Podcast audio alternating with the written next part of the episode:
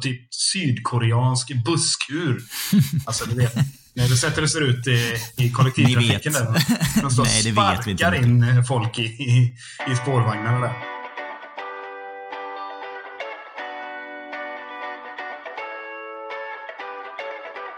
Can Manchester United score? They always score.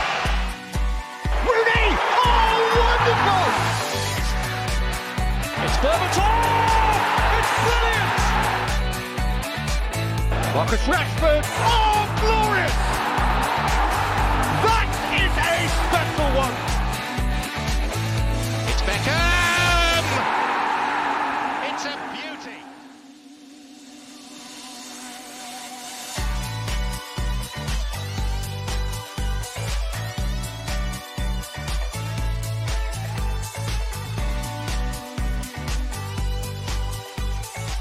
Känn er asvarmt välkomna till ett nytt avsnitt av United-podden. Podcasten som du inte visste att du längtade efter.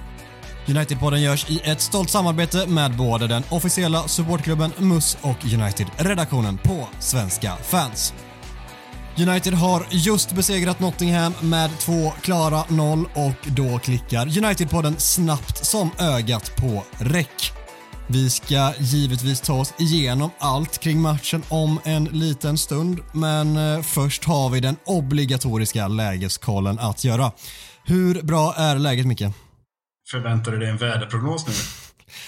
Jag frågar ju Micke nu och det är ingen Mackan här, så vi kan väl skippa väderprognosen prognosen, eller? Nej, men ska vi ta en imitation på det igen då? Det känns som det var, det var rätt kul jag gjorde det sist. Nej, det är två grader ute och jag kan inte spela golf. Ja, annars är det rätt slut. Så jag har inte gjort så mycket. Jag gillar också att konstatera att det är typ att det är en vanlig sketen måndag eller dylikt. Det är, det är viktigt. Sen är det ju inte det idag då, men eh, normalt sett. Nej, men eh, skämt åsido, Mackan, eh, Mackan såg aldrig mig. Det kanske kommer någonting nästa gång nu, vi får Ja, se. fan dags. Men nej, fan det är lite småförkylt och sådär, men skit i det. Så länge Manchester United vinner så får man ju leva med att man låter som en, eh, jag vet inte, någon gammal elvisp som har bytas ut. Så du menar att du kan offra din, eh, din hälsa, eh, åtminstone i den utsträckningen att du kan ta en förkylning för Manchester Uniteds skull? Ja, det, ja, det beror egentligen, vi får nästan definiera det, du, men just nu är det som det är och då konstaterar jag bara det är som det är, som Niva brukar säga. Och eh, därmed så är söndagsformen hyfsat god i alla fall. Ja, det var starkt. Gustav då, hur bra är läget med dig?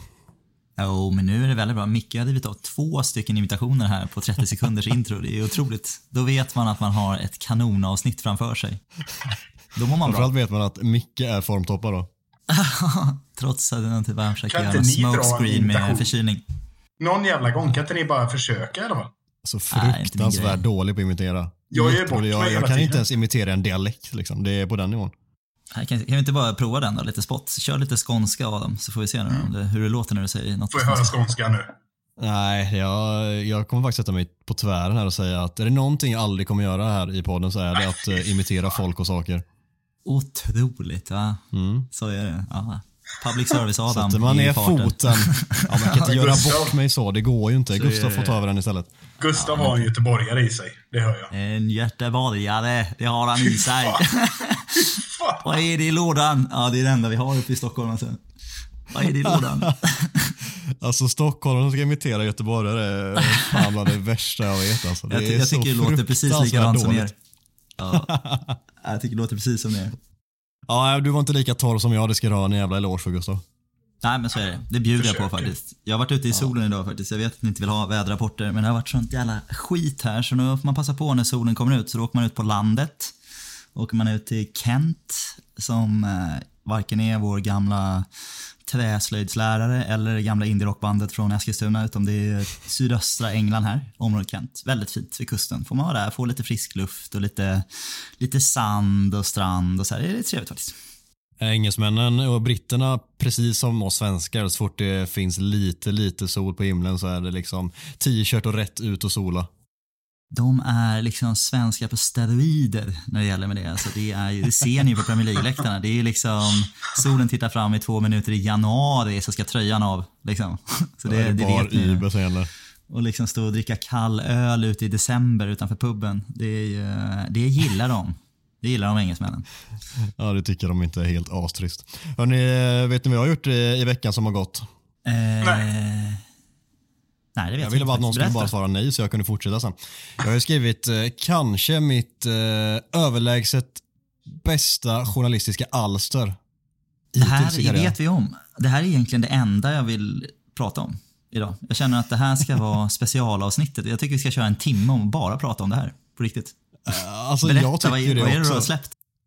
Nej, men det är, det är en skön liten write som man brukar kalla det när man bara skriver av vad som eh, någon har sagt i en annan intervju. Så eh, då var det Isabella Lövengrip, tidigare även kallad Blondinbella, som satt i Fördomspodden och eh, först fick hon en fråga om eller någon fördoms, något fördomspåstående som löd någonting i stil med om Qatar-VM och kritiken mot det. Och hon, så här, ja, hon kan inget om fotboll, fattar ingenting. Har liksom, det enda hon har eh, tillskansat sig om fotboll är att hon en gång i tiden, eh, för några år sedan, dejtade en fotbollsspelare. Och eh, Hon pratar om det och sen så säger hon att till slut att eh, Felli, Fellini och då fattar ju Emil Persson, tror jag programledaren, direkt. Så bara, Maran Fellaini, ja, han har spelat i Manchester United. Och eh, då avslöjar hon helt enkelt att hon har haft en, eh, en kort men intensiv romans med Marouane Fellaini för några år sedan. Det var när han var i Kina och de aldrig träffats personligen men det var väldigt mycket, vad var det de skrev, eller sa, Citat. extrem... Extrem facetiming. Alltså, Ja, men SMS och exakt telefonkontakt. Ja. Exakt, extrem sms och telefonkontakt och då var det så här Facetime och sånt. Men eh, de hade aldrig träffats, de hade pla- planer på att göra det men det blev aldrig av. Och det här skrev jag såklart om och eh, det var ju en kioskvältare utan dess like. Ah, fan vad kul. Alltså Fördomspodden är ju lite rolig ibland. Eh, Jag gillar det. Du eh, hatar eh, Qatar-VM. Ja Alltså, men det var typ så det var exakt. vi, borde, vi borde fan införa lite Fördomspodden eh, här och ställa, lite, ställa varandra mot väggen lite. Jag ska klura lite så kommer jag faktiskt. sen. Jag kommer tillbaka en med specialare. Ja. Men vilken, vilken kärlekshistoria ändå, känner jag. Det är Ja. fantastiskt. Man blir alldeles varm. Men visst blir man glad av det? Man blir alldeles glad, känner jag. Det känns lite i och för sig, det är liksom den, den, den haltar lite det här att de inte har träffats. Kanske. Det känns lite Ja. som att säga, ja, men jag har en jättesnygg tjej fast hon går på en annan skola. Liksom. Eh, Mm, exakt lite, lite, lite den feelingen. Det, av, det avslutas eh, också det hela med att han säger eh, att han har bra hår typ och hon svarar att han då hade rakat av sig håret. Det var ju mardröm. Men det gjorde han ju precis innan han lämnade United där. Bort med den här ikoniska kalufsen liksom. Det är sånt jävla mardrömsval av honom.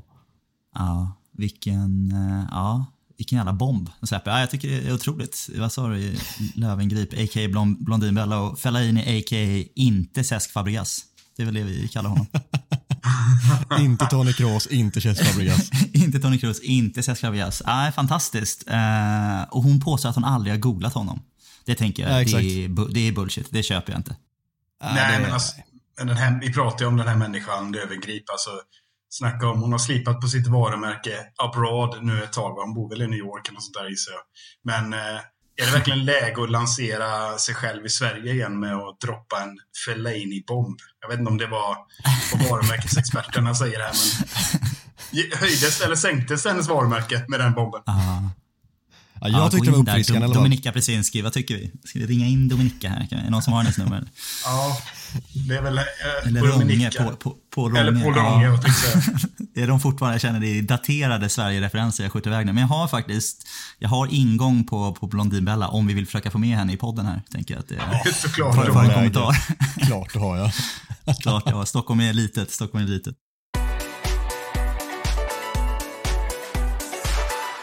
Innan vi diskuterar Nottingham-segern känns det tyvärr som att vi måste prata lite om Sevilla-debaclet i veckan som gått. För inte nog med att United tappade en ledning med två bollar, den betydde också ett fullständigt haveri och en mega mardröm vad gäller skadeläget. Hur frustrerande var torsdagen egentligen, Gustav?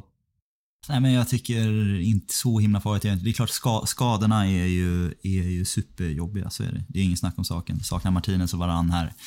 Så, så är det ju, men jag tycker att ja, ibland, så, ibland så går det fel lite i, i jobbet och det är ingen snack om att Ten Hag, eh, ja, hans matchcoaching går väl bort så här, får man säga. Han, vi, ger, vi ger ju bort den här självklara, känns som 6-0-vinsten. Liksom. Vi är ju så mycket bättre än Sevilla eh, i den här matchen. Sevilla är ju genomuselt, skulle jag nästan säga. Det är helt otroligt att det går knappt, man får ju nypas i armen för att förstå att den här matchen blev 2-2. Men eh, jag, tycker att jag, jag, tror vi har fortfarande bra chans att kunna, kunna ta oss vidare här. Jag, jag tycker vi har en bra match, vi kan väl ta med oss det. Men, men slarvar sista 20 minuterna, eller framförallt sista 10. Och sen så skade, skadorna, så är det ibland i fotboll. Det är klart att man kan tänka what if, om vi hade gjort lite andra byten tidigare och sådär va. Men det är, det är svårt att planera det. Framförallt på mittbackar, tycker jag. Så, så, så är det ibland. Jag vet ju att eh, det var någon i den här poddgruppen som gick totalt i taket och tyckte det var det, citat, det sämsta han hade sett.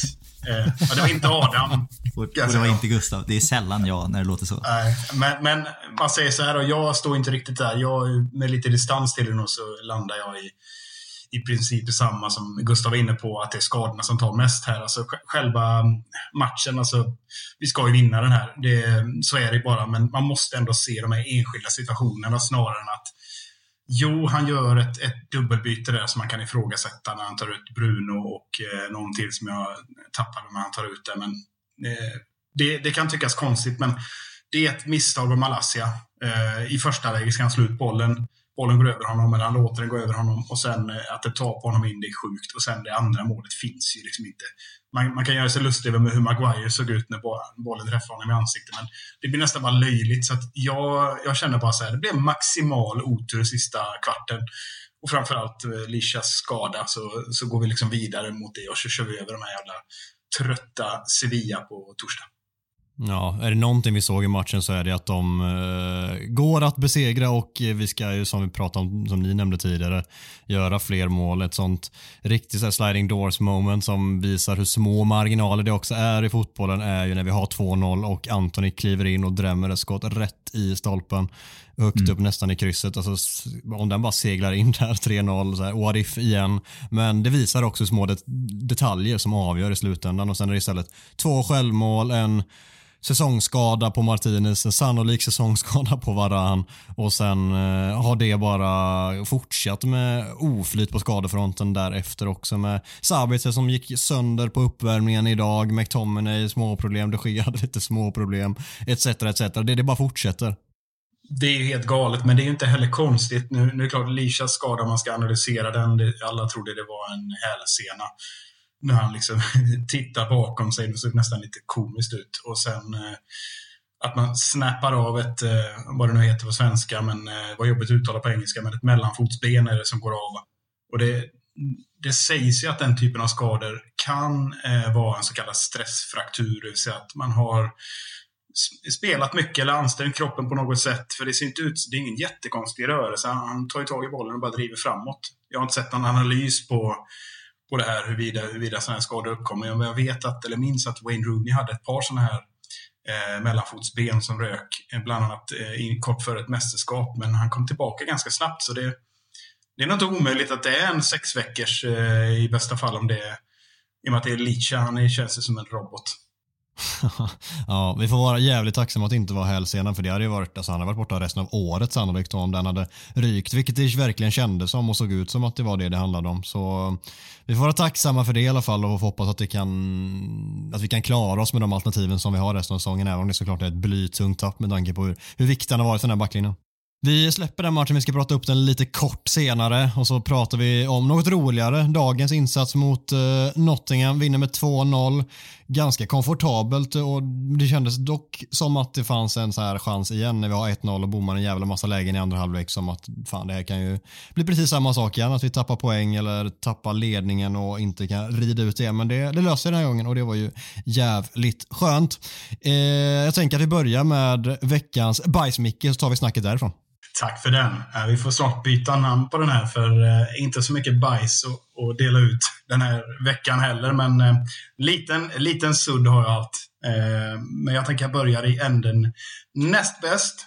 Och ehm, ja, det är väl egentligen solklart vem som är näst bäst eller vilka två som utmärkte sig, tycker jag i alla fall. Då. Men Bruno Fernandes har ju verkligen visat framfötterna de sista matcherna och Idag så var det väl lite oklart vad han hade för roll. Det kändes som han var mer 10 än, än eh, djup 8 idag eh, med tanke på Savitzers eh, eh, snabba, hastiga avhopp eh, innan start där. Jag tycker Bruno eh, är eh, klart bäst i den första halvleken eh, och sen påverkar spelet på flera olika sätt och gör det som han är bäst på. Borde fått dit sitt kanonskott, men det var en sjuk räddning av Navas. Jag vill ändå nämna en liten bubblare innan jag går över på den som jag tycker är bäst. Och det är faktiskt Lindelöf som jag tycker gör en prickfri insats. Klart bäst i backlinjen. Eh, tar ansvaret och ser ut som kaptenen där bak. Alltså, inte bara beroende på att den riktiga kaptenen, om man ska kalla det, eh, gör en otroligt svag insats. Eh, men Lindelöf, skönt besked. Mm, ja, verkligen. Sen håller jag inte med om att det var en otroligt svag insats av Maguire. Första 20 var verkligen det. Sen tycker jag han eh, absolut godkänd efter det. Jag tycker han spelar upp sig också. Det gör han, men, eh, ja, men jag kommer tillbaka till det om en liten, liten stund här då. Ja. Spoilat. Eh, men, men bäst idag förtjänar faktiskt Antoni, tycker. Han, han gör sin klart bästa match i United-tröjan, även om det är ett svagt Nottingham Forest och en svag Eh, vänsterback han ställs mot. Så, alltså han skapar ju otroligt många chanser. Och skillnaden nu är att han är mycket mer varierad i sitt spel, även om han hade om det var fyra skott över, så, så har han ju trots allt två assist. Och det är ju eh, eller förlåt, ett mål och ett assist menar jag. Och det är ju riktigt bra skörd. Äntligen börjar han leverera. Och jag menar, jämför med Jack Grealish, så nu har inte jag siffrorna framför mig, men han är ju så jävla bra och så fantastisk. Men siffrorna är, är inte, han är inte jättelångt ifrån. Vi får gräva fram de siffrorna. Men jag tycker Anthony förtjänar eh, Man of the Match idag, även om Bruno fick den officiellt såg jag. Mm, jag håller med dig och jag tycker att man kan baka in det lite grann med att man såg även mot Sevilla i första halvlek att det är en Antoni som eh, har en formkurva som pekar stadigt uppåt. Tycker han var jättebra första halvlek mot eh, Sevilla, en bit in på andra också bra.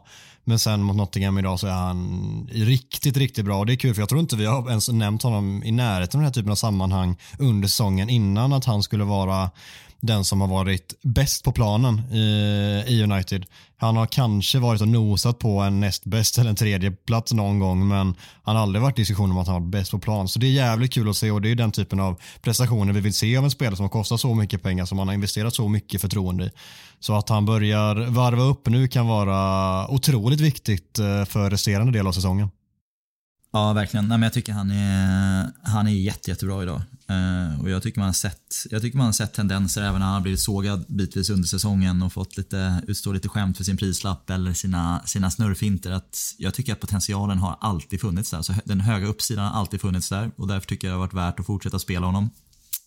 Och det är den här typen av spelare, när det klickar så, så ser det ut så här. Och nu kan han ju kanske ha det här i ett par matcher eh, förhoppningsvis, kanske resten av säsongen om det riktigt verkligen klickar till. Eh, och då kommer han ju vara ett extremt viktigt vapen. Jag vet att vi har pratat om eh, risken nu när vi blir av med Rashford. Jag var, tycker väl inte riktigt att det är, jag vet att ni satt och surrade om det förra veckan. Jag håller väl inte riktigt med om att det är så förödande utan det är liksom, då får någon annan bara steppa upp och det är precis det som som händer här med, med Anthony. Eh, så jag tror att vi har den typen av spelare som kan ta över det. Så jag tycker han är jätte, jättebra idag, men jag håller med om Bruno Fernandes också. Alltså jag tycker Bruno är grym senaste matcherna, men alltså jag tycker han har verkligen liksom lyft eh, och tagit liksom yt ytterligare kliv, på, eller tillbaks kanske man ska säga, det kliv som man såg eh, i början när han kom till United sina första, sin första säsong eller två. Jag tycker han är helt dominant. Alltså jätte, jättebra. Så det är två, det är, för mig är det nästan, eh, nästan att Bruno är vassare i sin, sin position. Men Antoni, vi ger inte Anton idag för han eh, gör både poäng, både assist och mål. Så det, det känns rätt. Ja, riktigt kul att se insatserna för övrigt. Men jag, jag väljer ändå att ge Maguire en liten skrapa och även Sancho. Två stycken jag tycker, ah fan. Jag blir, jag, blir alltså jag blir riktigt besviken på Maguires inledning på matchen. Han tar det där gula, tidiga gula kortet som är så jävla onödigt. Även om det kanske är lite billigt. Och sen, eh, alltså, slår du ut någon boll som är en femmeterspass och ser allmänt liksom stövlig ut. Jag tycker det är, liksom, det är så onödigt, för han är ju inte så dålig. Det, det är han faktiskt inte. Sen absolut, han, han städar upp det sen och nickar bort mycket bollar på slutet och är jämn, jämnare i alla fall. Men ja, jag blir riktigt irriterad på honom. Jag förstår inte riktigt varför. Han är nervös nu när han känner att det är han som måste leverera. Det är säkert det. Man, man har ju märkt av på hans mentalitet att han är inte så jävla självsäker och stark mentalt som han kanske själv vill göra sken för emellanåt, det sätt som han pratar i alla fall. Jag tycker att han är eh, alltså det kanske är väl hans, och det kan man på ett sätt förstå också med tanke på hur jävla mycket skit han får, vilken häxjakt det är på honom, att det tar väl sig innanför skinnet till slut också. Men det märks också att det gör det, så man kanske, jag är inte fullt förvånad över det, men jag håller med dig att det, om att det är någonting han måste kunna hantera, särskilt eh, med den alltså rollen och det ansvaret som han har i detta Manchester United som lagkapten också, så är det ju han om någon som ska kunna stå tryggt och stadigt när det blåser, men det är ju fan han som är den enda som inte gör det i början av den här matchen. Men sen som jag, som jag sa innan, jag tycker efter första 20 så tycker jag inte att han eh, sticker ut negativt på något sätt. Då är han, då är han bra liksom. Ja, nej, men jag, det är sällan jag försvarar Maguire, men jag, jag, tycker ändå att han eh, relativt har varit ganska bra här senaste, senaste veckorna. Eh, presterat högre än vad jag, vad jag brukar förvänta mig. Hans självförtroende är ju som ni pratar om, det är lite kejsarens nya kläder, att han har en jävla hög svansföring för vad han presterar. Men eh, jag tycker att han har ju, ja men kanske, kanske framförallt med bollen har han varit, varit starkare än vad jag minns som tidigare. Liksom bra, bra distribution, eh, har sett lite tryggare ut. Sen var han var det absolut superrörigt i början av den här matchen och vi ska väl ha, det känns vi ska ha en straff emot oss eller? Jag vet inte, att, jag tycker att det är konstigt att den, den, den armen blå, inte, men, inte utvärderas mer. Eller? Man lär sig den här handsregeln efterhand. Det känns som det dyker upp nya definitioner och tolkningar. Nya regler varje gång. Den nya regeln är ju tydligen då att om armen är nedanför axeln. Eh, sen hoppar ju Maguire samtidigt i den situationen och visst, den vänstra armen som den tar på är lite längre ner än axeln och, eh, och den högra armen. Men eh, alltså det är ju som parodi. Jag tycker mer det ska tillskrivas handsregeln snarare än att det är hans. Eh, man var ju lite orolig, men för mig är inte det där hans. Nej, kanske inte det. Jag, jag trodde vi skulle få en straff emot oss där, men det säger väl mer, det känns som att man får såna gamla såna kalla kårar i att man ser tre United-försvarare som står och liksom knuffar bort varandra i en, i en situation där David de Gea egentligen borde komma ut. Känner man att man säger det här, här har vi sett förut. Ja. Alltså. Aha, då ja. saknar man våra mittbackar. Ja, jag vill bara nämna ja. lite om Sancho också. Jag vet att eh, Adam älskar det när jag tar upp lite Sancho. Eh, han borde ha gjort 1-0 efter 37 sekunder eller vad det var. Eh, försöker placera in bollen, men eh, jag tycker det är svagt att inte sätta dit den. Och sen, visst, han är lite små eh, finurlig, men han skapar ju ingenting i jämförelse. Martial skapar ju mer. Eh, Anton är absolut, han är klart svagast i kedjan igen, tycker jag. Och det eh, Nej, hur långt tålamod ska vi ha? Det finns ju inget annat att slänga in nu, men alltså, jag tycker han är nej, det, han är för svag helt enkelt tycker jag. Han bidrar för lite. Mm, det gör han. Och, eh, jag tycker han är rakt av dålig uh, just nu. Ja, nej, jag ska inte mig till att jag tycker att han är dålig, men jag håller med dig om att han är klart sämst i, eh, i offensiv väg.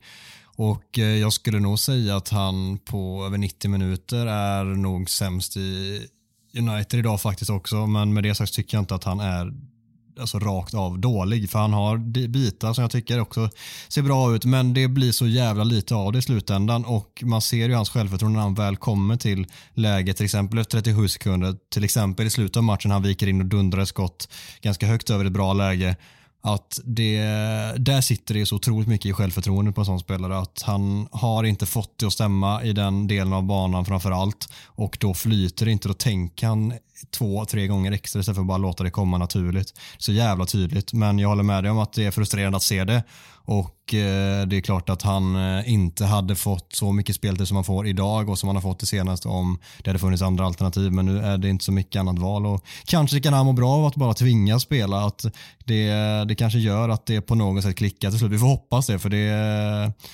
det vore jävligt trist annars. En annan spelare som jag vill lyfta lite kort innan vi går vidare också och prata lite kort om matchen är Eriksen som jag tycker ja. ska ha bra med praise för att han kastas in sådär 10 minuter innan matchstart. Eh, rätt in i laget när Sabitzer eh, tvingas kasta in handduken och eh, första halvlek, jag vet att du tyckte att Bruno var klart bäst i första halvlek. Jag tycker att Eriksen är nästan på samma nivå faktiskt. Han är jätte jättebra i första halvlek. Andra halvlek eh, suddas ut lite grann, som att han mattas lite, men fortfarande, fortfarande väldigt viktig och bra i, eh, och en, eh, vad ska man säga, en skön, trygg punkt i, eh, i passningsspelet också som sprider bollar och kan diktera tempot på ett sätt som vi verkligen behövde idag. Så han ska ha praise också på sätt som han har kommit in i laget efter skadeperioden. Han är bra mycket bättre än Casemiro till exempel. Casemiro är väldigt osynlig, men det är klart, han gör mycket i det tysta, absolut. Har någon ny sån här idiottackling som, som med lite otur kan bli rött igen. Men, så helt oprovocerat från ingenstans. Ja. Vad händer? Ja, jag, jag, fattar inte alls. Men tillbaka till Eriksen, bara kort, eh, lite godis. Man älskar att se Eriksen. Han, han står i lite kan, eh, ytterkant av straffområdet och står och tittar lite med höger och så vänder han upp den till vänster och vrider in ett perfekt inlägg till Bruno som är nära att skalla in. Det blir ett otroligt snyggt mål, men just det där stillastående bara vräka in sådana jävla häxpipor med vänstern. Han är ju fantastisk. Ja, målsökande jävla missil rätt på pannan på Bruno där. Det är så jävla skarpt och det är ju hans, om man nu har det, hans fel fot också som han vänder och trycker av rätt på pannan. Starkt. Ja, otroligt bra. Och det jag tycker man bara sitter och smånjuter lite av att ha liksom tre centrala mittfältare i Casemiro, Eriksen och Fernandes som liksom har, ja men som gör rätt saker med bollen. Man tittar, man sitter har, lite, har ju lite överblick med, med TV, TV-kameran och TV-vinkeln. Man kan se lite mer än vad man gör nere på planen. Det har man respekt för. Men de här, de hittar liksom rätt passningar i nästan alla lägen. Liksom. Och det är ju det är fantastiskt. Det är vi inte bortskämda med. Så det är tre väldigt spelskickliga mittfältare. Och jag tycker, kanske du är inne på det lite mycket, men kanske, jag tycker att jag gillar när Casemiro är osynlig. Jag tycker att det är det det är i grund och botten det han ska vara. Och det är, jag tror att han gör ett sånt jävla stort, alltså sprider ett sånt lugn på det här mittfältet. Och jag tycker att han gör en väldigt, väldigt bra insats i det tysta. Eh, mm. och så får liksom Eriksen och Bruno ta, ta större roller med boll, vilket är, känns helt rimligt i rollfördelning. En klassisk ja, Real Madrid-insats här idag. Kroos och Modric framför, typ. Så, så där lät ju ja, min göteborgska också. Varför får, jag, varför får jag skit för den när du gör samma sak? Vad är det i lådan? Såg ni statistiken förresten på, eh, på de tre när United har startat? Det, den trion på mittfältet den här säsongen. 17 matcher har blivit 15 segrar, 2 kryss och 0 förluster i alla tävlingar. Så det är ju det mittfältet som klart som vi ska jobba så mycket det bara går. Tacka fan för det. Ja, är det någonting annat vi känner att vi vill säga kring matchen egentligen? Det, jag tycker ofta vi får sagt det mesta när vi går igenom spelarprestationerna, men är det någonting vi har bommat som bör sägas? Tycker inte mer än att det, förlåt Gustav, men inte mer att det är tydligt att vi har stora problem när eh, Forrest försöker den här hörnvarianten. Extrem, typ sydkoreansk busskur. Alltså du vet, när du sätter det ser ut i, i kollektivtrafiken där. De står Nej, det sparkar vet vi in eh, folk i, i, i spårvagnarna. Ja. ja. men det var bara lite så. Vi ska trycka in alla liksom. Kan vi få in någon mer jävel här? Och så eh, vet de att det sker. Jag hatar det. Och det, jag känner mig orolig varenda hörna. Det, det skulle jag vilja lyfta upp. Hur fasen ska vi komma runt det förutom att byta ut det sker? Nej, det, det går ju inte. Så länge det sker så, så kommer det vara en akilleshäl och det kommer nyttjas. Och jag är nästan förvånad att det inte nyttjas mer av motståndaren än vad det faktiskt gör. För jag håller med dig, det är den typen av variant på fasta situationer är alltid obehaglig och vi har ju släppt in mål på det sättet tidigare så att inte det görs mer eh, än vad det gör förvånar mig faktiskt. otroligt svag det sker i luftspelet, eh, framförallt idag. Eh, men eh, jag skulle faktiskt hylla någon som vi, eh, vi sällan hyllar, men jag tycker Martial är, gör jävla stor skillnad ändå när han ändå är faktiskt mm. frisk och spelar på det här sättet. Och det, jag tycker första målet med Anthony, det gör vi liksom aldrig med Weghorst på planen. Liksom. Den Nej, passningen, alltså det, det, det, dels så gör han pressen och han tar lö, alltså dels så pressar han väldigt bra och sen så tar han precis rätt löpning, precis rätt första touch, ett riktigt bra avslut. Det är liksom det är ju en klassanfallare i de sekvenserna. Sen tycker jag att han är alldeles för ojämn liksom, för att vara vår lead number nine eh, på lång sikt. Men i de där momenten så är han jättebra. Liksom. Ja, det är han. Men jag vill bara rätta det lite grann. Såg du 2-0 målet? Vem tog löpningen på första stolpen? Ja, är det, är det, är det vägghästen? Är det vägghästen? Han får med sig hela försvaret som gör att Dalot får en gata i mitten. Sen att det är en helt galen, vi måste prata om den, galna löpningen av Dalot. Den är alltså det är så hög klass. Det ser ut som han är, jag vet inte ska man hitta, Leon Goretzka i, i uh, Bayern. Liksom bara kommer som ett ja. godståg i mitten och så. Perfekt ja, jävlar. Men det är löpningen, man missar den. Vegårds löpning mot första stolpen är uppoffrande. Ingen borde ju följa efter honom för att det är klart som fan han inte spelar till honom. Men...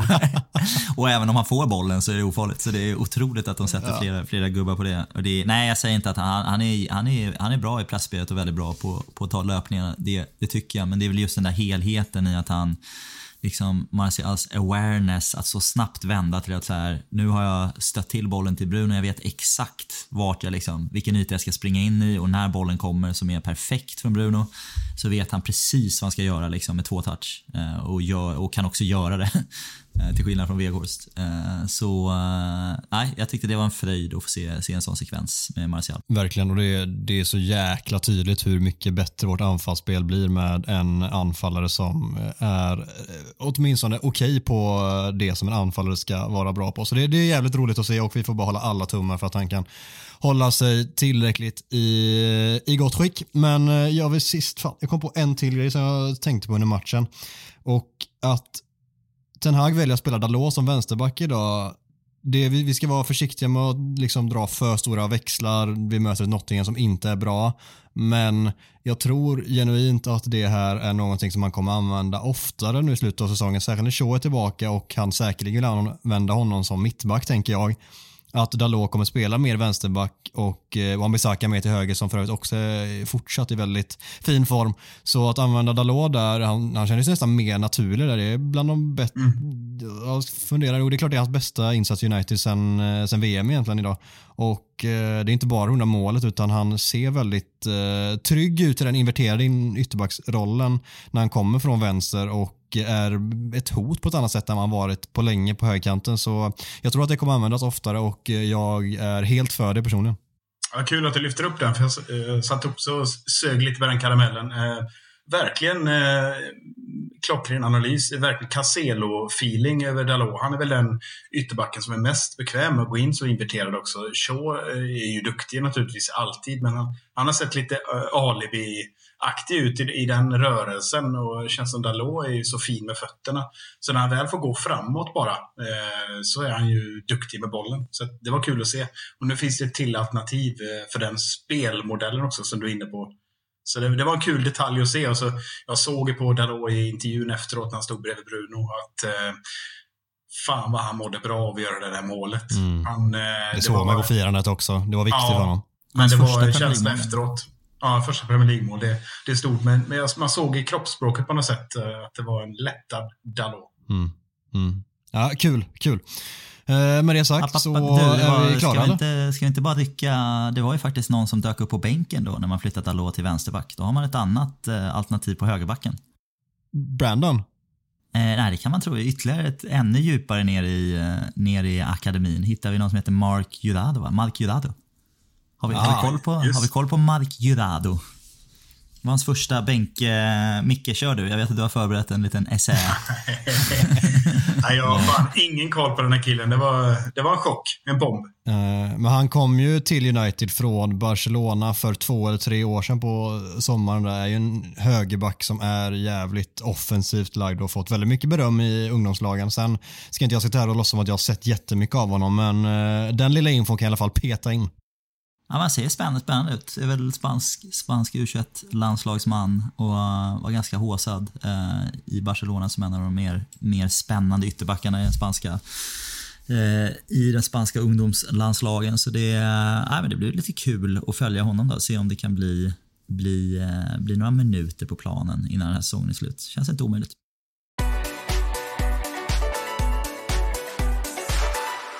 Suck C-segmentet Talk of the Town är tillbaka med fem stycken påståenden med aktuella ämnen som vi helt enkelt diskuterar huruvida det är sant eller inte. Veckans första punkt lyder Mittbackssidan behöver inte uppdateras. Vi har fem bra alternativ. Vilka är detta fem, dessa fem alternativ, Micke? Ja, det är ju vilka det är. Ja, det är Lisha ja. och Varan i första valen och sen är väl Shaw tredje valet och sen är väl eh, hugget som stucket mellan Maguire och Lindelöf och det är väl det som vi syftar på här. Eh, och jag tänker lite så här, ska vi, ska vi ta in en mittback till? Det är mycket möjligt att Maguire försvinner och då behöver man göra det av eh, eh numerära skäl. Men eh, då vill jag att man ska ta in någon som kan utmana Licha och Varan som ändå får anses som första valet, även om Varans kropp, uppenbarligen, bara håller typ två matcher i stöten. Eh, så jag ser väl att ta in någon ung och lovande och hit och dit, det kan vi väl göra ändå. Men eh, det snackas om den här Timber i, i eh, Ajax eh, som Ten Hag naturligtvis har ett gott öga till. Om han kan utmana om ett om första val, ja, det vet fan om man kan göra år ett. Å andra sidan gick ju Lisha rakt in i laget, men lite äldre är han å andra sidan. Men eh, det, det, är lite där jag står. Då, då, då, ska vi ta in en klassback och jag, jag har svårt att se att man gör det i sommar eh, med tanke på ja, ägarsituationen som vi kommer komma in på sen. Då. Att eh, vi, väljer att prioritera en 700 miljoners värvning. Jag, jag, ser inte riktigt det komma och då tänker jag varför ska vi då?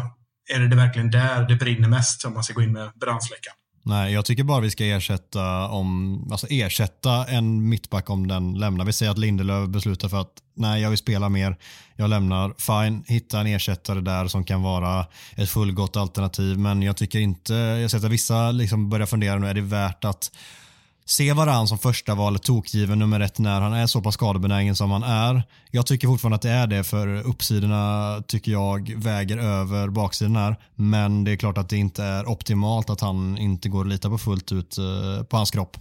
Med det sagt så eh, landar jag i att vi bara ska ersätta om det är så att eh, Maguire, han vill lämna, vi får ett bud som vi tycker är OK, ersätt honom eller Lindelöf till exempel. Annars så tycker jag absolut med tanke på förutsättningarna med andra lagdelar som behöver förstärkas att eh, det är mycket mer prioriterat att, att uppgradera dem istället. Ja, nej, men jag tror det låter som vi har samsyn här faktiskt. Total samsyn alla tre. Jag, jag, tycker att det här är verkligen inte vårt största problem. Precis, precis som er. Eh, jag hade hellre suttit med Julian Timber eh, som, som ett tredje alternativ än eh, våran trea, fyra, femma just nu. Eh, och jag ser nog väldigt gärna att eh, Maguire går i sommar eh, för alla. Liksom. Jag tycker inte det är, det är inte bra att ha en liksom, sjunkande lagkapten för han kan ju inte vara lagkapten nästa år.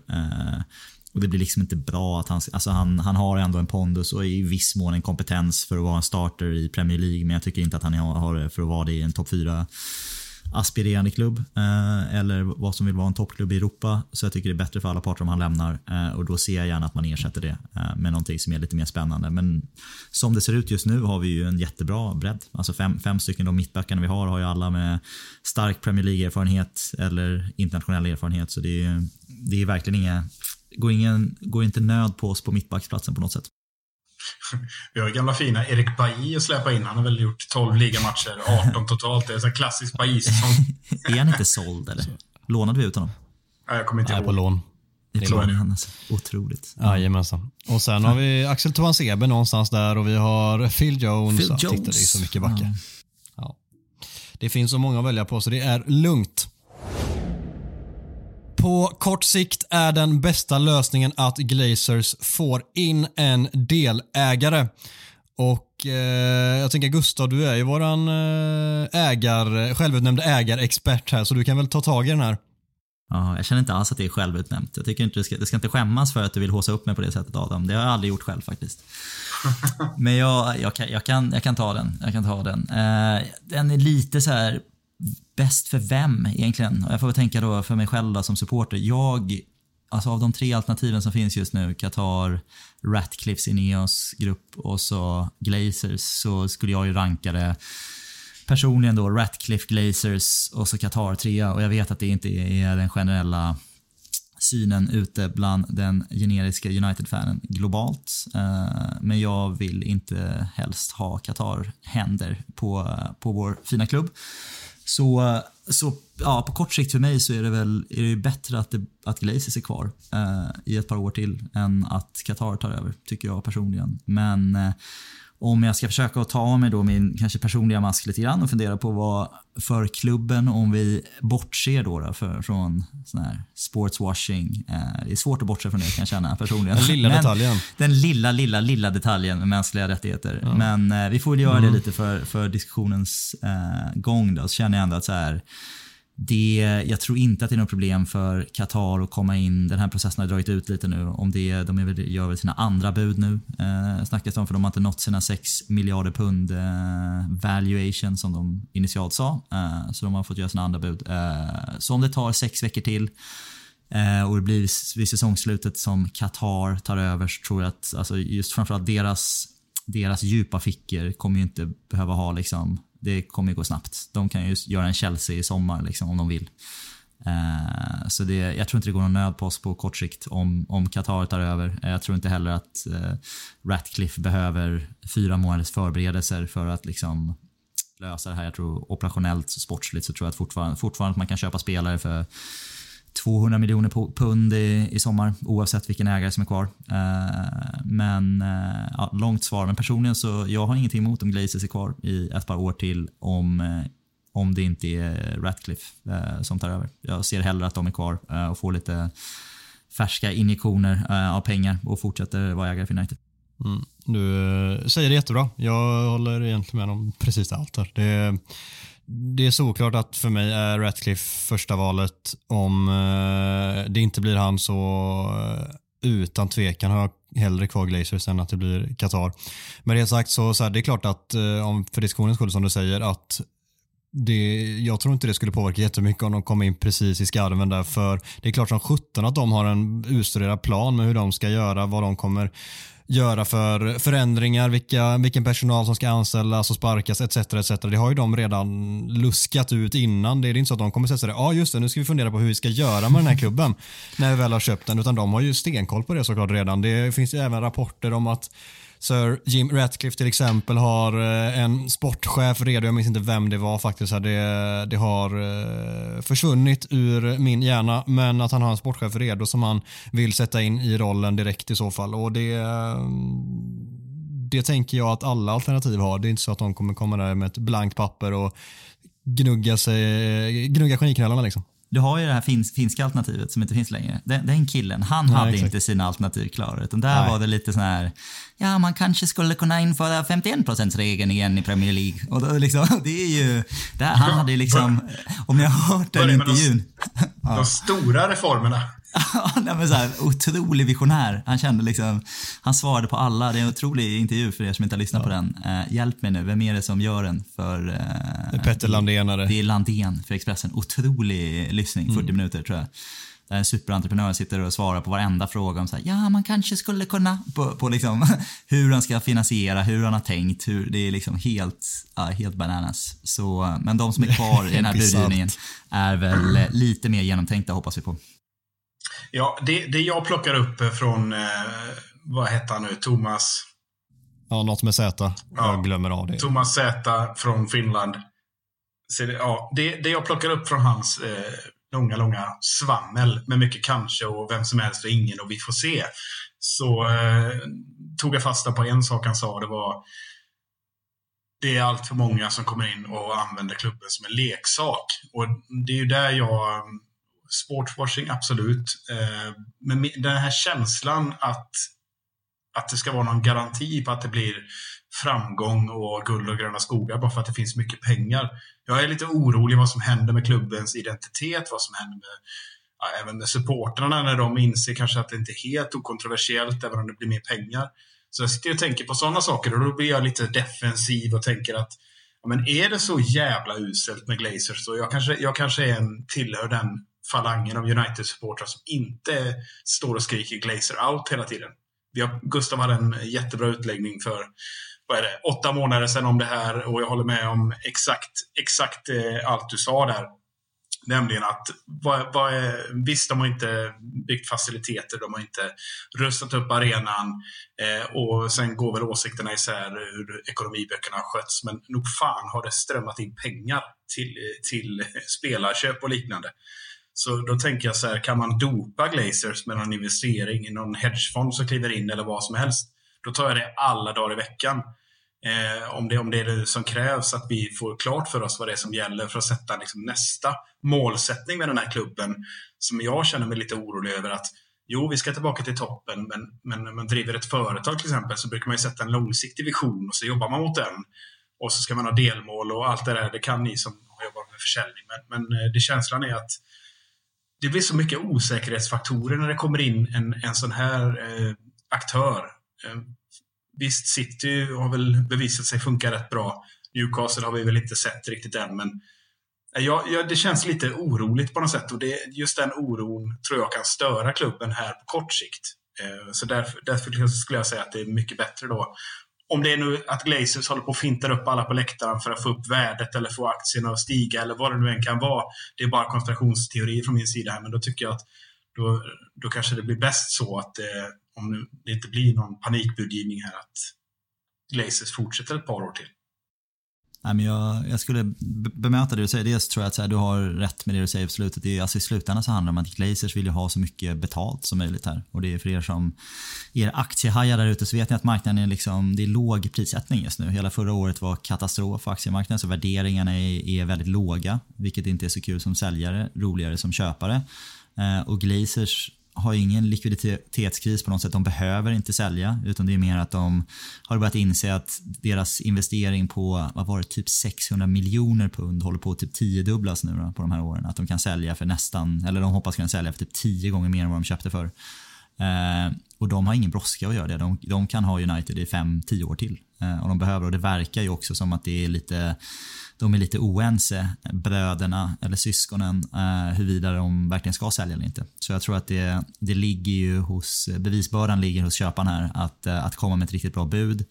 Eh, jag tror att rent realistiskt, tyvärr, så tror jag att alltså Qatar har ju, har ju endless pockets så de kommer kunna möta det till slut. Så jag skulle inte förvåna mig om det är de som möts och där skulle jag ändå säga motvilligt mot, mot din kommentar mycket om eh, osäkerhet som kan vara kring det. Alltså jag är ganska övertygad om att de hade gett oss väldigt bra sportsliga framgångar. Eh, jag tror att de, om man tittar på hur de, de här liksom, länderna, de här investeringsmodellerna sköter sina klubbar, typ PSG, Manchester City eh, etc. Så är det ju de vet, de vet hur man bygger en, en sportslig organisation och ett marknadsföringsinstrument liksom, och att pumpa in pengar via, via olika sätt in i klubben för att, för att få framgång. Så jag, sanningen är om jag tittar fram, fem år framåt så tror jag att vi hade fått mest sportslig framgång med bytet till Qatar nu i sommar. Men det är det att jag, liksom, jag kommer hellre fira utan titlar utan Qatar än att vinna två Champions League-titlar de närmsta fem åren med Qatar. Och jag vet att alla inte håller med om det, men så, så känner jag. Ja, exakt, det är exakt där jag står också lite grann. Och, det, och då kan man ju liksom bara fråga sig, det, liksom, det blir ju den här, då handlar det om ens egen värdegrund. Liksom. Ska man fuska för att vinna? Det blir lite den känslan. Nu, det är så jävla skönt varenda gång PSG åker ut. Det är bara, jag bara njuter. Och de hackar lite och det går dåligt och det är någon kris. Alltså jag mår jävligt bra. City behöver inte ens nämna. Och nu Newcastle är en klubb som jag i alla fall på supportersidan uppskattade tidigare. Eh, framförallt de tidiga åren i Premier League var de ju dessutom duktiga. Jag har så jävla svårt att hantera deras, även om jag tycker Eddie Howe, om man ska prata om dem nu kort stund, är ju den största orsaken. Vi har inte sett impacten än. Kommer de, klarar de en topp fyra, då får vi se den tror jag. Men det, det är det jag menar, liksom bara, man går lite vill, jag går lite vilse lite grann i, ja det är klart vi ska upp och vinna titlar igen, men kommer det kännas lika gött när vi gör det? Med de här ägarna. Jag tycker alltså det larviga är ju att så här, det är inte fusk om vi vinner med Qatar. För att alltså, Qatar som ägare kommer inte kunna ändra vår nej, intäktsmodell. Nej. Eh, alltså det, alltså det, nej, jag, menar, jag menar att alltså problemet är att vi kommer få vi kommer få stämpeln av oss att vi är likadana som PSG och Manchester City. Mm. Vilket vi inte är. För vi är inte ett lag som man har tagit från ingenstans, som inte lyckas, pumpat in och köpt sex spelare på varje position i fem år. För att man kan, liksom, dragit upp löne, lönestrukturerna i sin liga med liksom, jag såg någon tabell i, i uh, Equip, L'Equip i, i franska. Jag tror att liksom PSG hade typ 14 av de 15 bäst betalda spelarna i, i, i Ligue vilket är, så här, det är helt bisarrt och vi vet vad Manchester City och Chelsea först gjorde med liksom lönestrukturerna i Premier League när de bara kastade liksom dubbla löner på alla spelare för att få dem att gå över till sin, sin klubb som köpte de bästa spelarna från de bästa klubbarna. Eh, och det är så, här, så det där är redan gjort. Så ett Qatar som kommer in nu, då, det är ju en ganska tacksam situation för dem. För de behöver inte kasta mer pengar eh, på United. United är redan en av de intäktsrikaste klubbarna i världen. Eh, och kommer inte liksom dubbla sina intäkter bara för att Qatar kommer in. Vi kommer, kommer eh, ha samma ungefär. Och kommer fortsätta kunna köpa liksom, de dyraste spelarna i världen som vi redan gör. Och kanske till och med toppa med en Mbappé någon gång eller de här liksom sjuka, sjuka liksom Galacticos-värvningarna som finns där ute i Europa. Men det är liksom vi hade fått ett rykte av att vara en sån här fuskklubb när vi ändå är originalet av den här klubben som faktiskt har blivit en av de rikaste klubbarna i världen genom att bygga en bra akademi, få fram talanger, göra smarta värvningar, vara bra på liksom, i framkant på affärsmarknaden när liksom hela TV och Premier League-reformen liksom, kom. Så det är liksom, det hade sotat ner vårt, vårt rykte tycker jag, att bli en Qatar-klubb. Ja, det är det jag, exakt det var bra. Då, nu, nu kommer egentligen in bollen, det är precis det jag menar. Att, det är den känslan som skapas. Men ska vi... Vill du in här Adam? Annars hade jag en litet sidospår. Kör.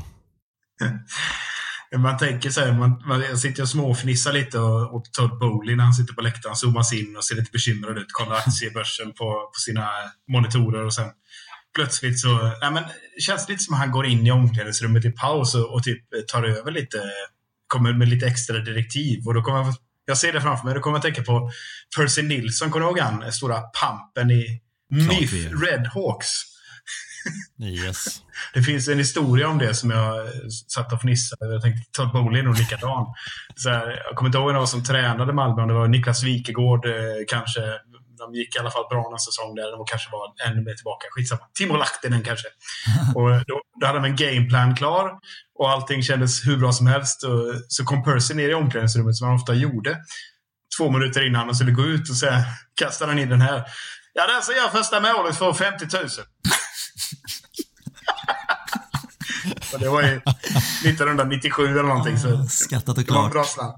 Skattat och klart. Ja.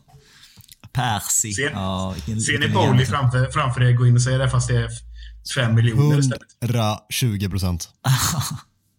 Stolle.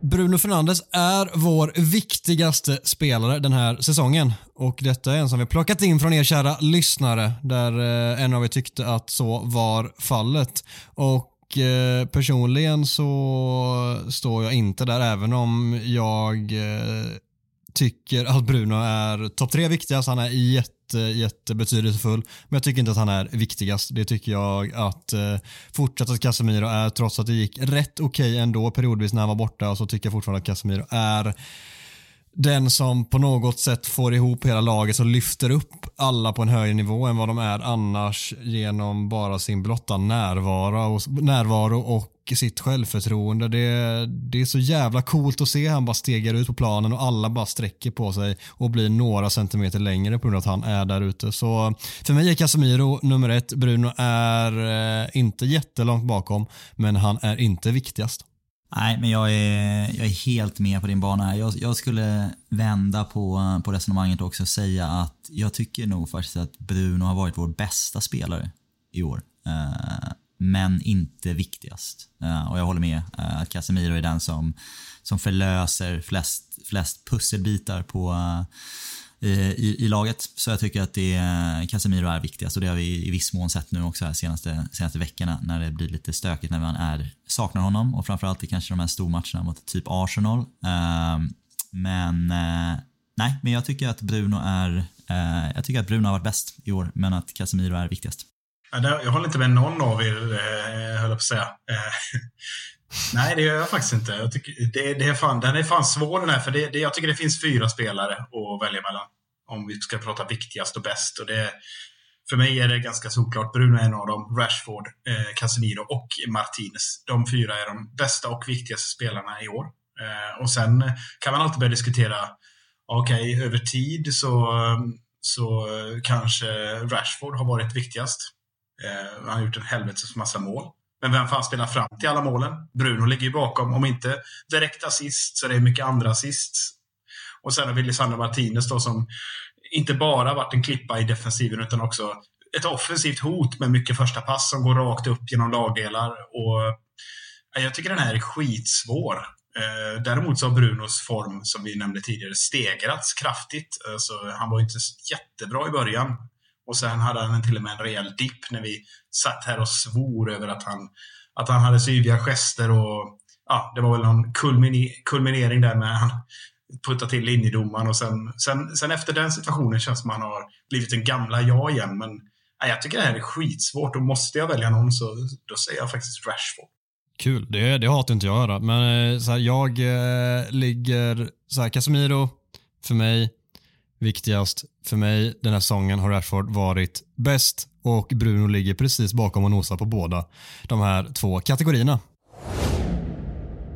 Klarar Manchester United topp 4 och nyper en till titel trots skadekaos är det den största bedriften sedan Sir Alex sista titel. Är det Micke? Det var ju inget drömlag Sir Alex hade. Även om det ganska, börjar bli ganska många år sedan man glömt av det. Men Det visste vi inte det var- då. Det trodde vi att det var. Det trodde vi att det Ja, var. men det kändes som, som vanligt. Ja, ja, men det, vi har ett kanonlag och så har vi kryddat upp här med, med Robin van Persie, så det löser väl sig. Det var lite självspelande piano kän- kändes de på den tiden, men det är klart att det var det ju såklart inte. Men alltså tittar man nu då, det här är alltid jättesvårt, men vi har ju förvisso Rashford att jämföra med, om vi jämför då mot Robin van Persie, men men med tanke på de här sista tio åren som vi har rapat upp och ner i den här podden en miljard gånger eh, och framförallt hur det såg ut förra året under Gustavs favorittränare Ralf Rangnick så, eh, så måste man ändå säga att det är en remarkabel, ja, det är en remarkabel förändring. Alltså, att eh, skulle man då plocka sig, sno en fa Cup-titel mot City som ändå utgår ifrån att det blir vi möter. Eller snubbla sig fram via Sevilla nu och så Juventus som det verkar bli då. Eh, det, det vore ju otroligt. Och dessutom landa en topp fyra. Så då säger jag faktiskt, svarar jag ja på det här påståendet. Jag sitter och försöker fundera på vad, vad som går att konkurrera med överhuvudtaget alltså, av sen Ferguson. Det är väl, det är väl en typ Mourinho trippel då, med inom, inom citationstecken trippeln då. Det är väl det som är den, det är väl det enda alternativet tänker jag. Som vi kan faktiskt konkurrera med. En Europa League och en ligacup och en Community Shield va? Kom, är det samma säsong som, som vi kommer tvåa efter City också? Eller? Eller blandar vi ihop säsongerna? Eh, nej, det är inte samma. Det är inte Nej, samma. det är det inte. Nej, då hade det kanske varit på hårt för det var ändå en ganska, det var en ganska gedigen Premier League-säsong också. Eh, men eh, nej, men jag, jag tycker kanske inte vi ska tycka så synd om oss själva i skadekaoset. Så den delen av, av påståendet släpper jag lite. Men jag tycker att vi, eh, som, som Micke är inne på, så om man tittar resan som vi har gjort eh, från vart vi började eh, inför den här säsongen med helt nya förutsättningar, ny tränarstab, ny tränare, nytt sätt att tänka på, jättemycket nya spelare. Eh, så vore det ju, alltså jag tycker att det var en bedrift att vi kom i topp fyra, bara. Eh, Alltså, det, var, det var min målsättning tror jag inför den här säsongen. Om man tittar på hur vi har varit, att vi ska ta oss upp på topp fyra igen. Och nu får vi lite draghjälp av att både Liverpool och Chelsea har skitsäsonger rent krasst. Så att vi behöver inte gå liksom head to head med dem eh, och Tottenham är, är svaga och stökiga också. Så vi har ju liksom inte riktigt, alltså just nu så jag skulle säga att våra största konkurrenter just nu det är Newcastle som är på, verkar kanske, ja, inte jättebra form om man tittar deras senaste 5-10 matcher i Premier League, inte lika starka som de var i början. Eh, och sen så är det Brighton då, som vi ska prata lite om också, som faktiskt är Ja, de är väl inte jättenära oss, men de är väl eh, de är bara fyra poäng efter Newcastle om de vinner sin, sin hängmatch. Så de har ju drag på topp fyra och det är ju både Brighton och Newcastle ska vi ta fler poängen. Så, så jag tycker att det, det, är, nog, det är nog den största bedriften. Eh, om, vi, om vi seglar in här i, på en Champions League-plats och om vi tar en till cuptitel. Eh, en fantastisk säsong i så fall. Ska vi vara, ska vi vara glada för, inte sitta och gnälla som United-supportrar för mycket. Nej, det är fan dags att vi får eh, klappa oss själva på axeln lite och vara, vara glada över att det går bra och att vi ändå har gjort, gjort det bra i så fall. Så ja, men jag är med dig och, och eh, Micke också såklart att det, jag landar i att det är, om vi lyckas med detta, en topp 4-placering och en till titel, då är det eh, absolut den bästa säsongen sedan Sverige sista och eh, det, jag tycker ändå att man, även om jag håller med dig, vi ska inte tycka synd om oss själva för alla klubbar har skadeproblem periodvis. Det är bara att vi har fått det värsta tänkbara möjlig, alltså värsta tänkbara eh, delen av säsongen. Och det, är liksom, det är upploppet kvar här, det är de absolut viktigaste matcherna kvar och då kommer alla våra skador på en och samma gång på alla nyckelspelare. Det är liksom bara Casemiro och Bruno och sen så har vi övriga, så här, då är det så mycket av kärnan kan vi säga då. Så alltså den, den som har varit så jävla viktig för oss som bara försvinner. Sveper undan benen på oss. Och det, det tycker jag ändå ska tas, ta med i, tas med i beaktning. Och eh, det gör att det är ännu mer imponerande om vi löser detta med den här säsongen, vi säger utan varann överhuvudtaget mer, utan Martinez överhuvudtaget mer, Rashford kanske vad det låter som kan vara med några av de sista matcherna, jävligt oklart vad status är på honom men närmsta tiden är inte med i alla fall. Så om vi, om vi löser det här utan de, de mittbacksalternativen som vi också har dessutom där bakom så, så tycker jag det är jävligt jävligt imponerande och eh, ska såklart höjas eh, ytterligare ett snäpp med det i beaktning. Så kalassäsong om vi lyckas. Och vi har ju veckans Town Hall kvar. Innan vi avslöjar veckans punkt är det på sin plats att gå igenom lite tankar och åsikter som ni kära lyssnare bidrog med på förra veckans Town Hall.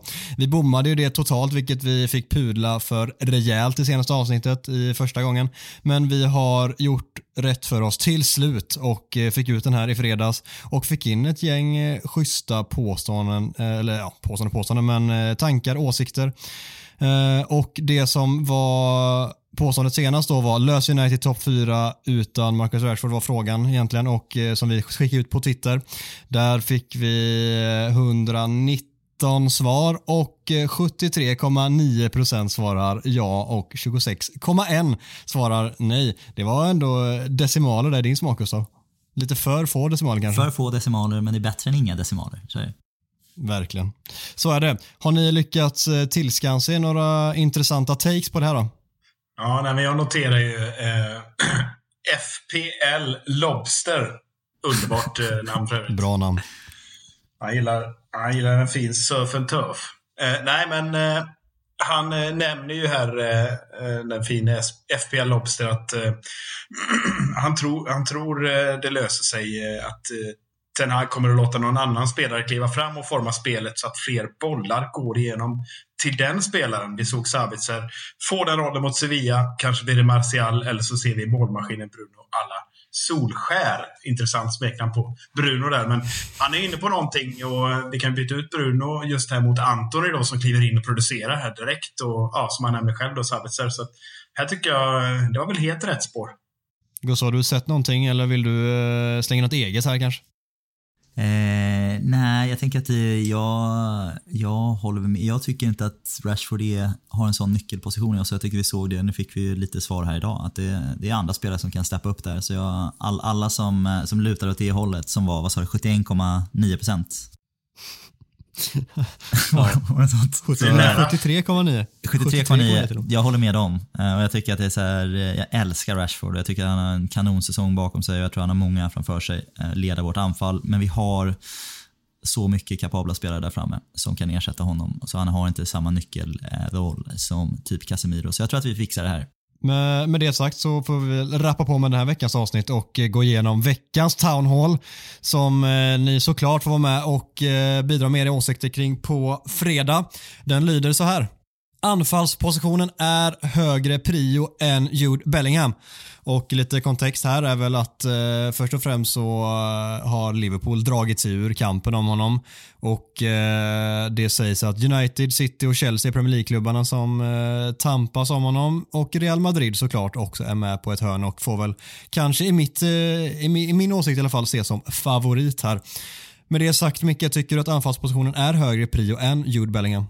Ja, den är klurigare den här. Vi, vi konstaterar ju under avsnittet här att vi har ett kanonmittfält nu med Eriksen, eh, Casemiro och Bruno. Eh, men det är klart att Jude Bellingham, blir han ledig om man uttrycker sig så, för en hundring så, så ska vi vara där och nosa naturligtvis. Men vi var ju inne på det förra veckan lite grann, jag och du Adam, att eh, alla ser att vi måste värva en anfallare. Och jag tycker att det, det, är där vi ska gå för att prioritera. För att Martial har vi, har vi redan skrivit av som långsiktig lösning, även om han är fin med bollen i enstaka situationer. Det är inte det det handlar om. Det är en jättebra spelare, men han kan, inte, han kan ju inte spela mer än eh, 12 matcher per säsong, verkar det som. Och då har vi ju ett antal, vad har vi för namn här nu? Förutom Kane och Ferguson som vi pratade om sist nu. Tyvärr Ferguson skadad, såg jag Eh, tråkigt för, eh, som Gustav kommer att prata mer om sen. Men sen har vi han som inte jag kan uttala, Os, Os, Ossimen heter han väl? Inte Ossimen. Ossimen ja, i Napoli. Och nu... Eh, superspelare också. Nu får vi ändå lyfta fram Ollie Watkins som ett alternativ. Jag tycker det är en favoritspelare till mig, måste jag säga. Eh, och det är inte bara för att han har haft en liten form här nu. Jag gillar den typen av spelare som är lite grindare men ändå har finess. Alltså han, han har en förmåga att eh, göra... Alltså, det ser väldigt lätt ut när han gör nu jag tar om det. Han gör enkla aktioner så tror man ah, att det är väl inte så svårt. Men det är faktiskt jävligt svårt. Han är jävligt skicklig på att göra saker och ting klart. Spela färdigt. Och sen har han ofta en förmåga att sysselsätta en hel backlinje. Så att eh, även om det är 700 miljoner gissar jag väl på för att värva honom så det är väl ett namn som man ska överväga ändå. Fortfarande hyfsat bra ålder. Så det är väl bara att välja och vraka. Någon av de här fyra som jag nämner, eller varför inte Ferguson och eh, Osimhen. Eller Watkins. Och eller Så Watkins. du landar i att anfallspositionen är viktigare att prioritera än eh, att värva Jude Bellingham? Svar ja. Gustav då? Ja, snyggt. Jag känner jag, jag har fle- flera olika, olika vinklar på det här. Jag tror jag, jag vill börja någonstans. Att jag, jag gillar inte det här med att man köper eh, akademispelare som man har missat. Liksom, som vi gjorde med Sancho. Jag tycker inte att man... Alltså, man ska inte ha i, i, i princip att man ska gå ut och köpa missade akademitalanger för 100, 100 miljoner pund från andra klubbar som vi, som vi missade. Nu har ju Dortmund då plockat upp både Sancho och, och Bellingham på, på kort tid.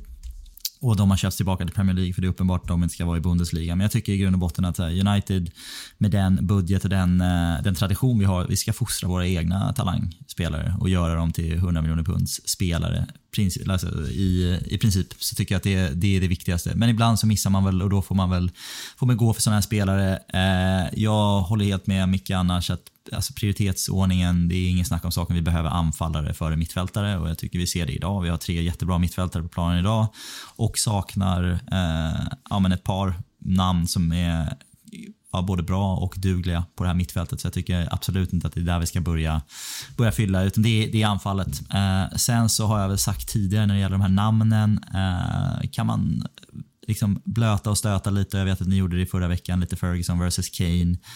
Jag tycker alltid bara jag vill ha vad Ten Hag vill ha. Eh, och för mig spelar det ingen roll om det är någon uh, Eredivisie-anfallare som han ser gör precis det jobbet han vill, vill ha av sina anfallare. Eh, som jag inte har hört talas om jättemycket eller inte sett jättemycket.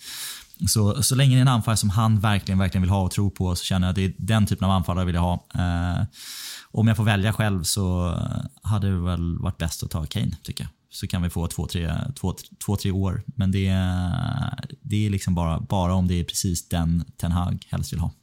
Vad tycker du då Adam? Samtidigt så, ja men jag, jag ska komma det snart, men eh, en motfråga till egentligen er båda, men Gustav får den för han pratade sist här. Och den, eh, så här, har vi råd att gå miste om en generational talent som man brukar kalla det av den här kalibern. Om vi nu enas om att han är det, vilket eh, kanske råder delade meningar om, men det är en fruktansvärt bra mittfältare som eh, sannolikt bara blir ännu bättre också. Har vi råd att gå miste om en sån och låta den gå till en annan klubb för att vi eh, istället prioriterar en anfallare där vi märker att det finns väldigt mycket andra alternativ. Men om vi vill ha mittfältare så är det typ Bellingham som är första valet. Om ni förstår vad jag menar. Förstår du frågan Gustav? Ja, men jag förstår absolut frågan. Jag tycker väl att vi, vi ser, alltså halva svaret ligger i att vi, vi ser ju att, att vara en stjärna i Dortmund inte nödvändigtvis eh, translates in till att vara en stjärna i Premier League som att vi har egen erfarenhet från det då. Från vad som, jag tyckte ändå att Sanchez såg ut som att vara typ en generational talent nästintill. Alltså det, är, det finns ju alltså likheter av potential och hur, hur, hur hypade de har varit i, i Dortmund och där är väl Bellingham ja men kanske snäppet bättre men så jäkla mycket Jo. snackar man inte upp honom Jo. jämfört med Sancho. Jo, titta det? i landslaget. Ja, men fastän Sancho hade väl gjort sin debut och var väl ganska het och han spelade EM Ja, och liksom... Bellingham, Bellingham är ju dominant i landslaget. Ja, kanske då. Jag, jag, jag, vet inte, jag är inte så här, jag tycker inte att det står... Du hatar alltså, landslaget.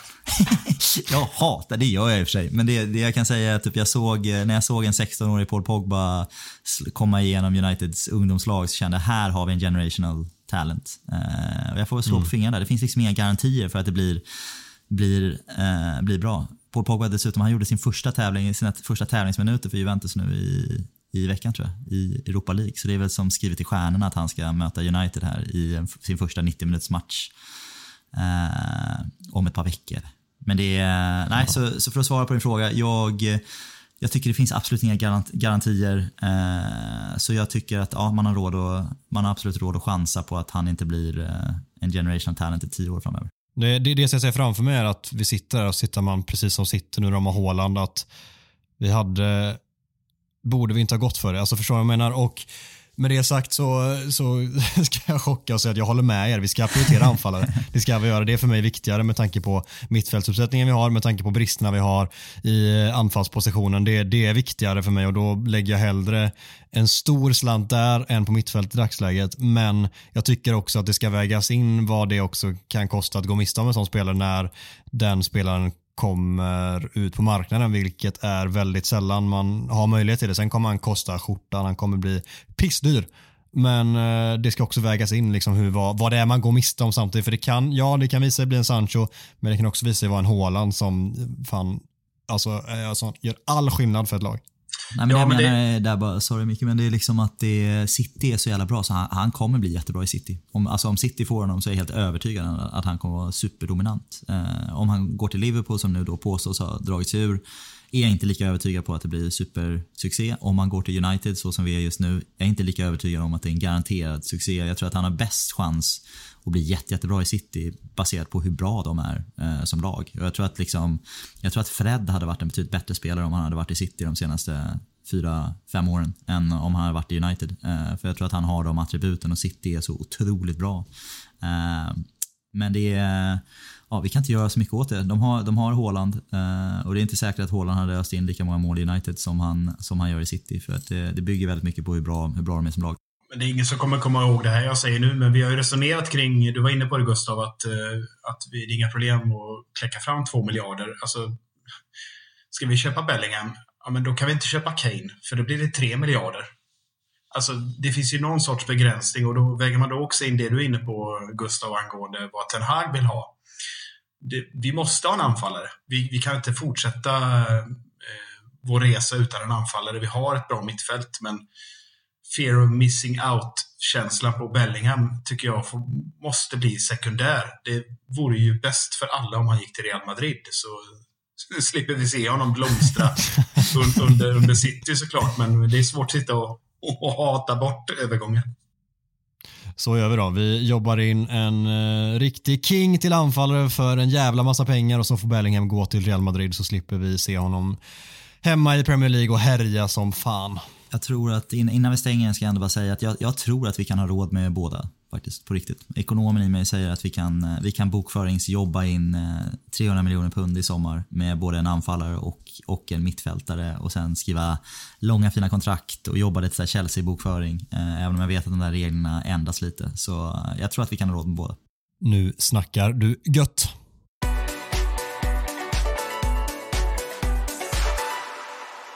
Härnäst spelar United returmötet med Sevilla på torsdag kväll och eh, kortfattat om den då Gustav, hur trygg känner du dig inför denna? Ja, men jag tycker fördel, fördel United. Det är klart jag kände mig tryggare i 81 minuten än vad jag kände mig i 95 minuten eh, av när man såg första matchen. Så. Men jag tycker att de var så dåliga, Sevilla, och jag tycker att vi är i grund och botten så pass bra. Så jag känner att vi har absolut fördel eh, där borta. Så jag tror att det här, det här löser vi. Skönt att höra. Jag är eh, lite oroligare med tanke bara för att jag fått för mig att Sevilla blivit en jävla mardrömsmotståndare för oss. Det är, vi, vi klarar ju inte av att hantera dem av någon jävla anledning. Vi åker ut i Champions League mot dem, vi torskar Europa League-final mot dem. Vi har en trygg 2-0-ledning som slutar i att vi spelar 2-2 och eh, två av våra bästa, viktigaste spelare blir borta resten av säsongen. Hur är det möjligt ens? Så därav känner jag att jag inte kan känna mig trygg. Men objektivt med ett litet helikopterperspektiv så är vi väldigt mycket bättre än dem och borde lösa det. Men jag känner mig absolut inte trygg med att göra det.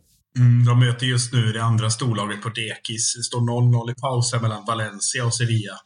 Eh, på bortaplan där. Cavani går väl in och avgör för Valencia i andra halvlek gissar vi. Så kommer de med ett stukat självförtroende. Jag tror vi kör över den här skiten.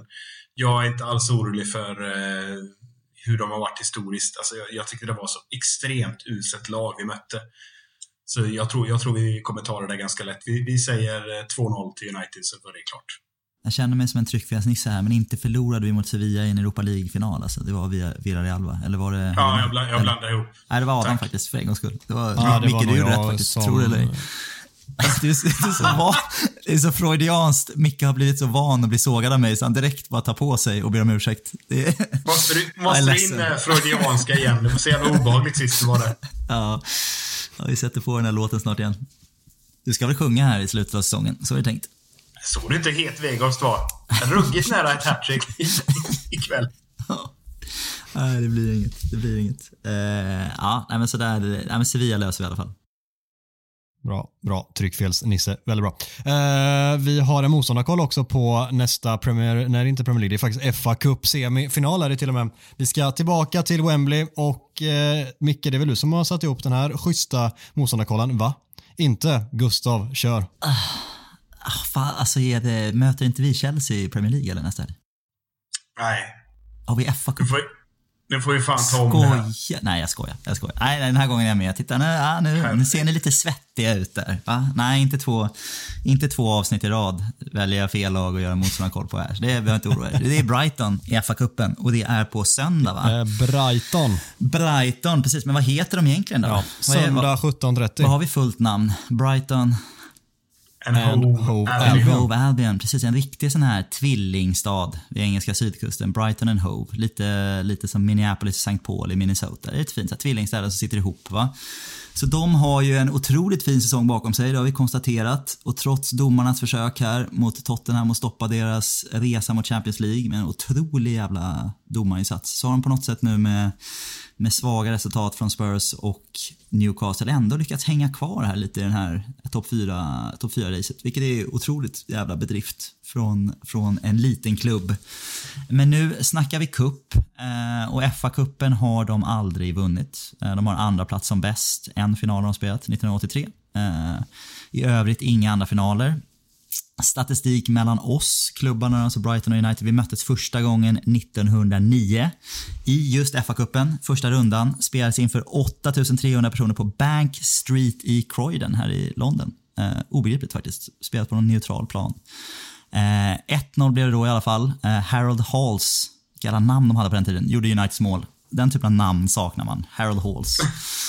Ja, mer sånt vill man ha. Eh, sen dröjde det faktiskt 70 år från 1909 tills vi möttes igen. Eh, så 79, även då vann vi 2-0. Eh, men om vi tittar lite mer nutid så kan vi se en ganska tydlig trend. Eh, vi förlorade två raka matcher mot Brighton 2018.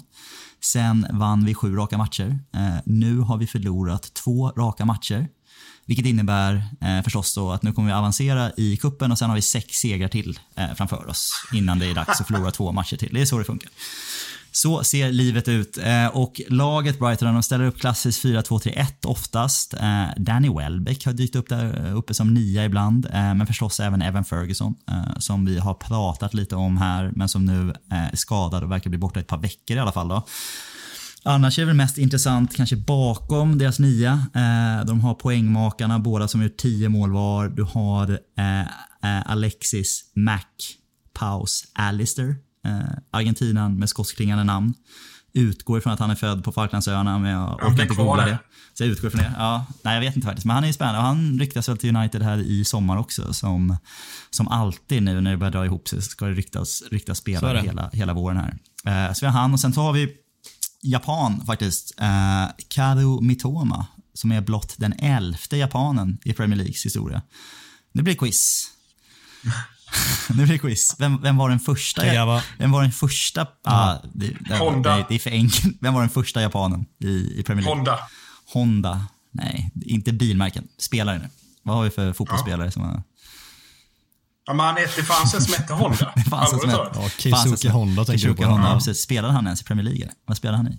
Nej, jag tror inte han har spelat för Fick för mig. att det var Bolton eller något, man vet ju aldrig. Nej, Nakata spelade. Hidetoshi Nakata. Oh, otroligt att han spelade i Bolton faktiskt. Det, det har du rätt i. Men det var Junichi Inamoto. Kommer ni ihåg honom? Inamoto som var... Mittback va? Nej, för jag skulle vilja ha att han var mittfältare, men jag, den vågar jag, inte, vågar jag inte sätta mina pensionspengar på. Eh, Arsenal i alla fall tillhör, tillhör han eh, först och främst, början av 2000-talet och sen Fulham. Så han var första japanen. Så Kado Mitoma är den elfte japanen. Och, eh, supertalang, troligtvis den bästa tror jag. Han har varit otroligt bra. Eh, så, så det är Ja, väl de vi ska hålla koll på faktiskt. lite. Japanen och Argentin, skotska argentinen. Eh, Där kan det gå fort. Vad kommer ni hålla koll på i den här matchen? Ja. Ja, men det du säger plus även Moises Caicedo som jag tycker är en ruskigt bra innermittfältare också som eh, ryktades länge och väl till både Chelsea och Arsenal i vintras och eh, sannolikt kommer flytta på sig också till, eh, till sommaren.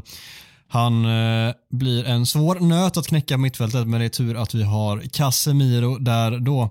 Annars så eh, är det verkligen Mitoma som är, han är den jag oroar mig mest över för han är så jävla kvick och flink och lurig och ja, både kreativ och jävligt fantasifull. Han, han, eh, det är en spelare som absolut kan höra hemma i eh, ett eh, topplag inom kort.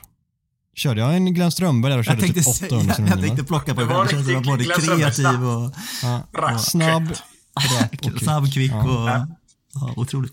Ja. Jag skulle vilja lyfta upp... Eh, vi har ju Louis Dunk här som eh, gjorde sitt sjunde självmål faktiskt i Premier League. Kanske lägger för... Jag vet inte hur många han har gjort i kuppen, men det kanske lägger för ett självmål där. Nej, men skämt åsido, de har ju ett ramstarkt försvar, men det är lite strul med skador. Ferguson borta nu och eh, Weltman fick ju kliva också här nu, högerbacken, och Pascal Gross som känns som eh, typ deras Magnus Erlingmark klev eh, ner på högerbacken, gjorde det med en äran mot ett uselt Chelsea.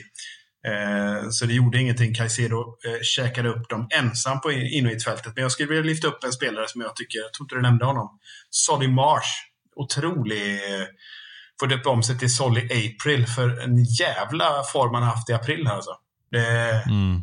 han, han, han har jag imponerats av och det är en sån spelare som har liksom legat lite längre bak i hierarkin tidigare år eh, och förädlats av Potter och i år så har han fått ketchup-effekt. Han är, eh, när han viker in från kanten med sin vänsterfot så um, han är livsfarlig så att eh, de har många hot och March, se upp med honom. Har jag förstått det rätt så är han också born and bred Brighton eh, akademiprodukt och varit uppe i seniorlaget typ tio år nu. Liksom. Det är en, eh, en, eh, en, vad ska man säga, en, en typ av spelare som är lätt att tycka om så sett. Du var klar med motståndarkollen där Gustav, eller ville du ha något mer? Jag känner Flika det. in. Jag tyckte jag gjorde ett väldigt bra jobb idag. Vad tyckte du Adam? Tyckte du jag gjorde ett bra jobb idag? Två plus. Inte du Micke. 2,3 plus får du. Jag tar det. Jag tar det. Ja, det är taget. Det är taget. Med det sagt så ska vi börja snöra ihop det här och det gör vi såklart med ett eh, tips. Tar vi oss till final Micke och i så fall hur? Oj, oj, oj. Nej, jag tror inte vi gör det. Jag tror vi åker ut mot, eh, mot ett eh, lysande Brighton. Tyvärr. That's the spirit. Ja, Gustav då? Nej, men vi löser det, men det kommer sitta långt inne. Det kan bli en straffläggning. Eh, mycket tyder på att det blir över, övertid.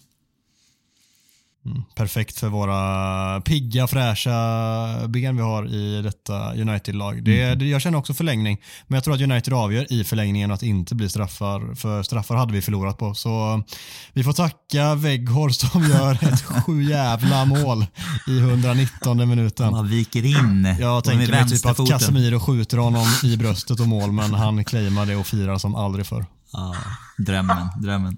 Ja, drömscenario. Ja. Jag ser det framför mig. Watch this space, som man brukar säga. Vi är väl asnöjda där tänker jag. Nu är jag i alla fall riktigt mosig i hjärnan efter det här långa avsnittet. Så jag tackar er för eh, visat eh, förtroende för mig. Det är jätteroligt att se. Och sen så tackar jag för eh, framförallt er lyssnare för att ni har hängt med oss ännu en vecka. Det är fan i mig bragdartat. Tack snälla för det så hörs vi igen nästa vecka. Ta hand om er.